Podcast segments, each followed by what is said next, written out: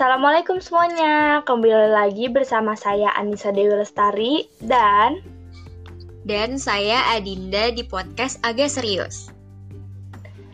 Nah, kali ini kita akan membahas apa nih Adinda? Kali ini kita berdua bakal, bakal ngebahas tentang uh, media sosial nih. Nah, Anissa sendiri tahu nggak apa itu media sosial? Hmm, tahu dong. Jadi media sosial itu merupakan media online yang memungkinkan para penggunanya dapat berbagi informasi dengan mudah melalui blog, jejaring sosial, wiki, dan forum. Nah, contoh dari media sosial itu seperti Facebook, Twitter, Instagram, WhatsApp, dan masih banyak lagi. Nah, di media sosial itu kita akan mendapatkan hiburan, pembelajaran, dan kita juga dapat berbelanja di media sosial. Nah, Adinda sendiri tahu nggak sih kalau kita menggunakan media sosial itu ada etikanya loh, agar kita tidak menyalahgunakan media itu sendiri dan kita tidak merugikan orang lain. Oh gitu, boleh jelasin nggak? Nah, etika itu adalah aturan tentang bagaimana kita akan bersikap dan berperilaku Nah, etika itu tidak tertulis dan tidak bersikap hukum. Nah, tetapi kita juga harus mengedepankan etika demi menjaga kenyamanan bermedia sosial. Begitu, Adinda. Oke, gitu. Nah, setelah tadi Anissa udah ngejelasin tentang uh, apa itu etika bermedia sosial, selanjutnya uh, bakal ada nih apa aja sih bagian dari pelanggaran etika bermedia sosial. Yang pertama itu uh, penyebaran konten pornografi. Apalagi di media sosial sekarang udah meluas banget dan udah bebas banget kan buat nyebar-nyebarin konten kayak gitu gitu. Terus selanjutnya ada penyebaran hoax.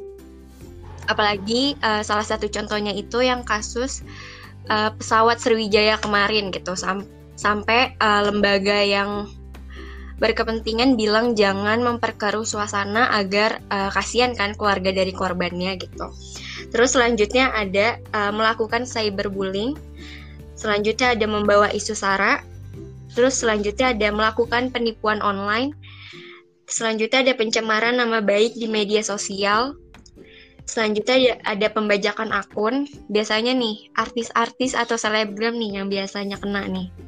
Terus selanjutnya ada uh, memberi komentar jahat di media sosial uh, seseorang. Nah, Anissa sendiri pernah nggak dapat komentar jahat dari orang gitu di media sosial?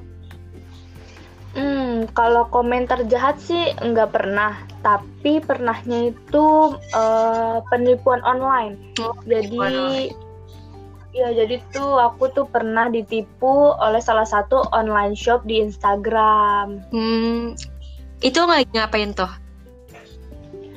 Uh, waktu itu sih aku beli baju dan udah transfer tapi nggak dikirim-kirim gitu. Hmm. Terus dia itu uh, Instagramnya tuh malah ganti nama gitu. Hmm. Goip ya jadinya ya. Iya. Nah, biar seru kita mau ajak nih dua teman kita lagi. Biar obrolan kita malah makin seru nih. Nah, bener banget. Jadi ada Adera dan Melati. Boleh silahkan perkenalkan diri asal dari mana? Halo, nama aku Adera Setiawardani. Aku mahasiswa semester 5 di jurusan Ilmu Komunikasi Universitas Al Azhar Indonesia. Hai Adera. Hai.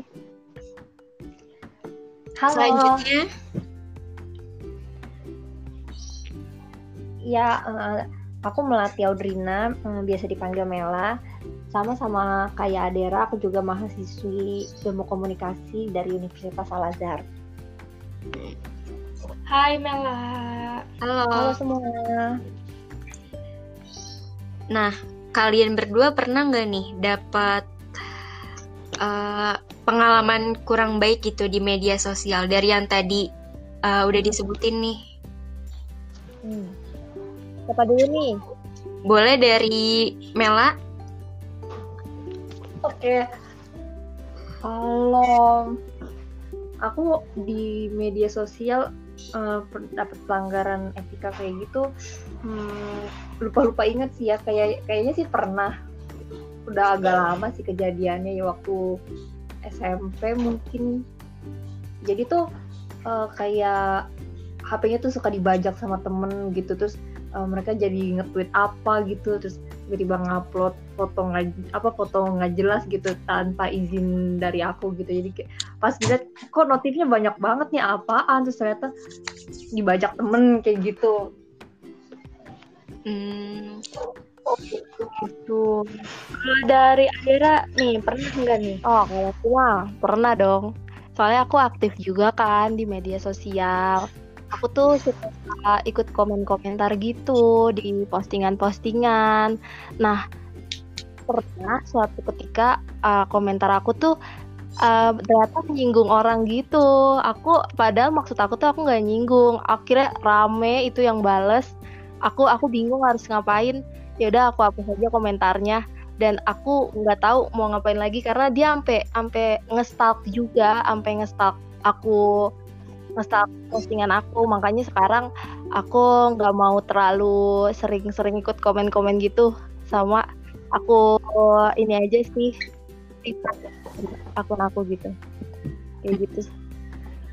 Oh, lebih menjaga ya lebih menjaga apa yang seharusnya kita lakukan di media sosial gitu. Biar nggak salah paham juga. Dan uh, gimana ya?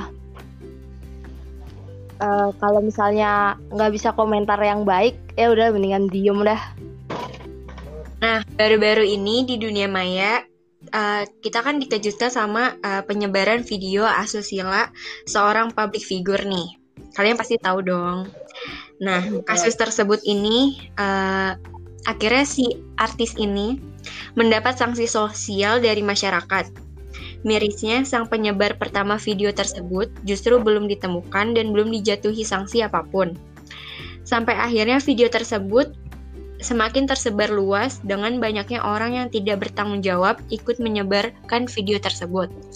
Nah, menurut kalian uh, tanggapan tentang kasus uh, video seorang public figure yang tersebar itu kayak gimana? Hmm, dari siapa dulu? Dari Adera boleh. Oke, kalau menurut pendapat aku sih ya tentang kasus public figure uh, di luar dari tindakan yang dia lakukan itu melanggar norma kesusilaan dan agama, penyebaran video asusila yang video asusila oleh orang yang tidak bertanggung jawab itu merupakan tindakan yang melanggar sosial ya tentunya karena dia menyebarkan konten pornografi. Menurut pendapat saya sih, harusnya orang yang menyebarkan itu juga dicari dan uh, agar dia mendapatkan hukuman atas tindakan yang sudah dia lakukan. Nah, melarang pelarangan penyebaran konten pornografi itu juga udah tertuang kan dalam undang-undang UU ITE di negara kita ini. Meskipun tindakan yang dilakukan oleh public figure tersebut memang tidak dapat dibenarkan juga dari sisi norma agama dan norma susila, tapi kita juga harus melihat dari uh, pelaku penyebaran videonya tersebut karena akibat dari tindakan dia si public figure ini mendapatkan uh, banyak komentar negatif dari netizen. Jadi sebenarnya kompleks sih uh, pelanggaran etika bermedia sosial dari kasus public figure ini. Di satu sisi ada pelanggaran dari penyebar konten video porno dan juga ada pelanggaran dari netizen yaitu melakukan head comment di media sosial. Kayak gitu sih menurut aku. Oh, begitu ya Dera ya. Nih, kalau dari Mela bagaimana nih tanggapannya tentang kasus public figure ini dilihat dari perspektif etika bermedia sosial? Kalau menurut aku uh, terkait kasus uh, pelanggaran etika yang dilakukan oleh public figure yang lagi tren belakangan ini uh, gak jauh beda sebenarnya sama pendapatnya Adera. Uh, jadi uh, dia itu em perbuatan dia itu juga nggak bisa dibenarkan uh, walaupun uh, dia dia yang bikin tapi uh, emang dia yang uh, bikin walaupun uh, cuma buat dokumentasi pribadi gitu kan katanya. Tapi ya karena katanya kan handphonenya hilang terus ditemuin orang terus uh, jadi di apa uh, di upload sama orang lain gitu. Ya hampir mirip gitu kayak kasus aku yang tadi diceritain gitu kan walaupun uh, dia cuman uh, buat dokumentasi pribadi gitu tapi kan orang lain yang nyebarin ini juga harus bertanggung jawab. Nggak uh, bisa cuman si public figure ini aja yang di yang dihukum gitu. Padahal kan dia yang nyebarin itu juga salah gitu. Karena menyebarkan uh, konten uh, pornografi itu. Kayak gitu sih. Oh begitu ya. Nih aku mau ngasih tahu seperti yang udah dibilang tadi oleh Adera dan Mela ya benar tindakan tersebut uh, termasuk dalam melanggar etika bermedia sosial di mana ia menyebarkan konten pornografi di media sosial, terlebih lagi tanpa seizin orang yang ada di dalam video tersebut. Dan tindakan tersebut dapat terancam dalam pasal 29 UU nomor 44 tahun 2008 tentang pornografi. Hal itu juga ngebuktiin bahwa uh, ternyata tidak sedikit masyarakat yang kurang memahami tentang bagaimana etika bermedia sosial. Hingga perlunya penyadaran bagi masyarakat yang menggunakan media sosial untuk lebih bijak lagi dalam menggunakan media sosialnya dan menyebarkan informasi yang mengedukasi, mencerahkan, memberdayakan, serta dapat menumbuhkan cinta kepada tanah air. Nah, ngomongin tadi adanya kasus tentang pelanggaran etika, apalagi kan sekarang kan yang menggunakan media sosial nggak hanya orang dewasa, tetapi anak kecil pun juga udah punya media sosial. Nah, uh, menurut kalian nih eh, seperti apakah yang harus ditanamkan bagi pengguna media sosial apalagi kan banyak sekarang penggunanya yang masih di bawah umur. Gimana nih kalau menurut Melati uh, etika seperti apa nih? Kenapa? Boleh diulang nggak? Etika seperti apakah yang harus ditanamkan bagi pengguna media sosial? Apalagi sekarang pengguna media sosial itu ada yang masih di bawah umur sehingga perlunya pembelajaran nih. Nah, kalau menurut Mela nih gimana nih etika seperti apa yang harus ditanamkan?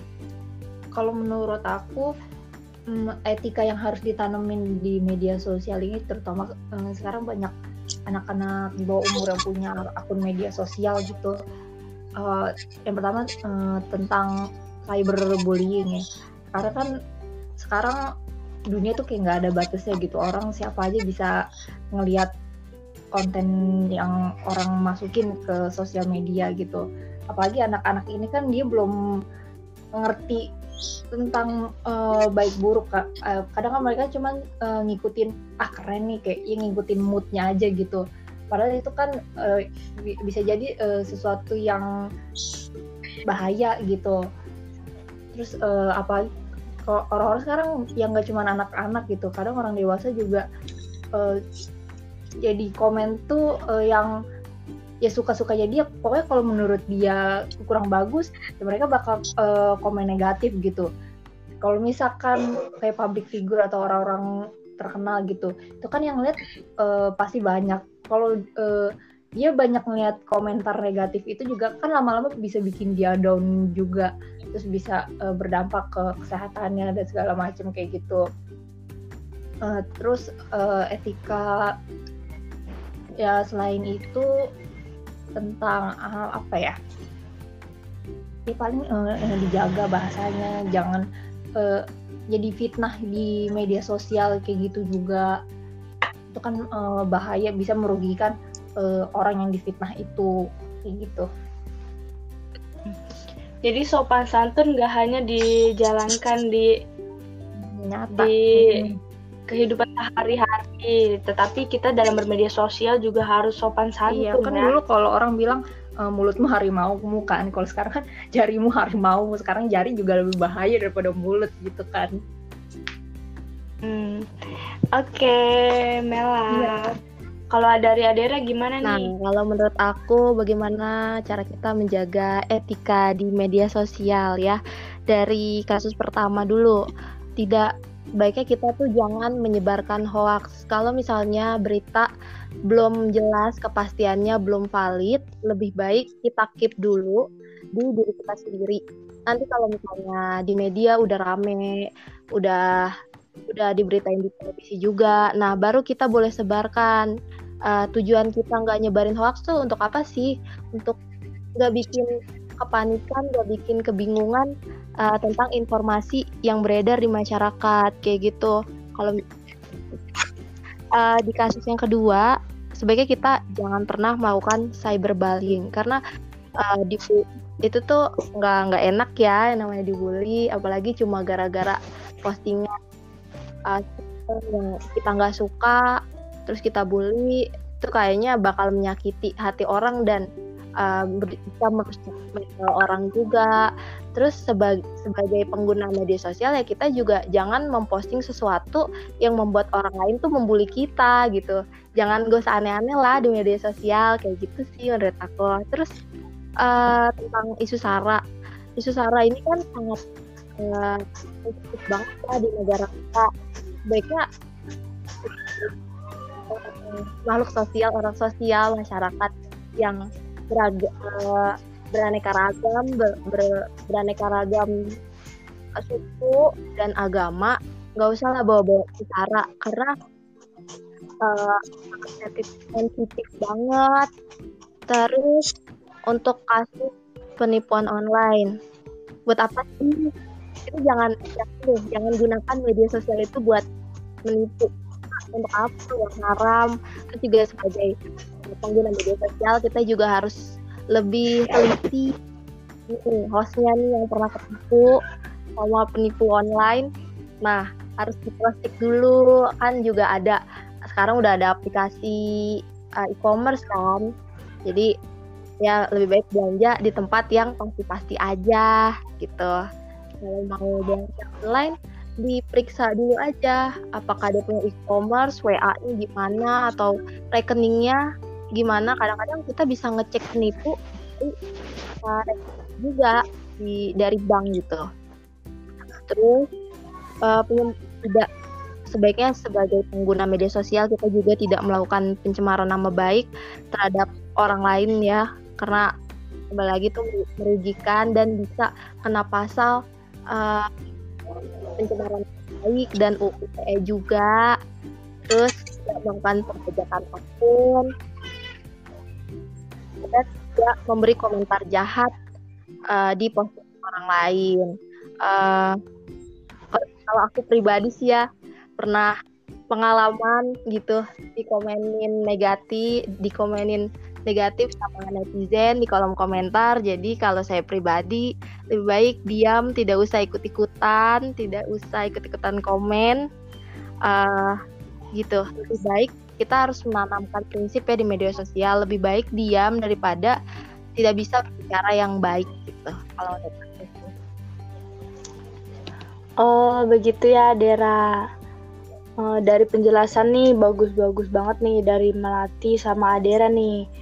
Nah, walaupun kita sebagai manusia memang diberi hak untuk berpendapat, di Indonesia juga merupakan negara yang demokrasi, namun kita tidak boleh mengabaikan nilai-nilai tenggang rasa, kesopanan, dan saling kita harus saling menghargai antar sesama pengguna media sosial.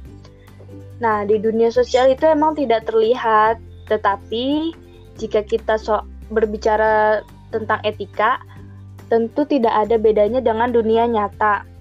Jangan karena bersembunyi di balik akun media sosial yang apalagi yang anonim, kita bertindak seperti tidak ada batasannya. Jadi kita sebagai pengguna media sosial juga harus membatasi diri kita. Kan kita juga pasti mengetahui mana yang baik dan yang buruk. Apakah tindakan kita akan uh, menimbulkan hal yang besar atau gimana. Nah, benar so. banget.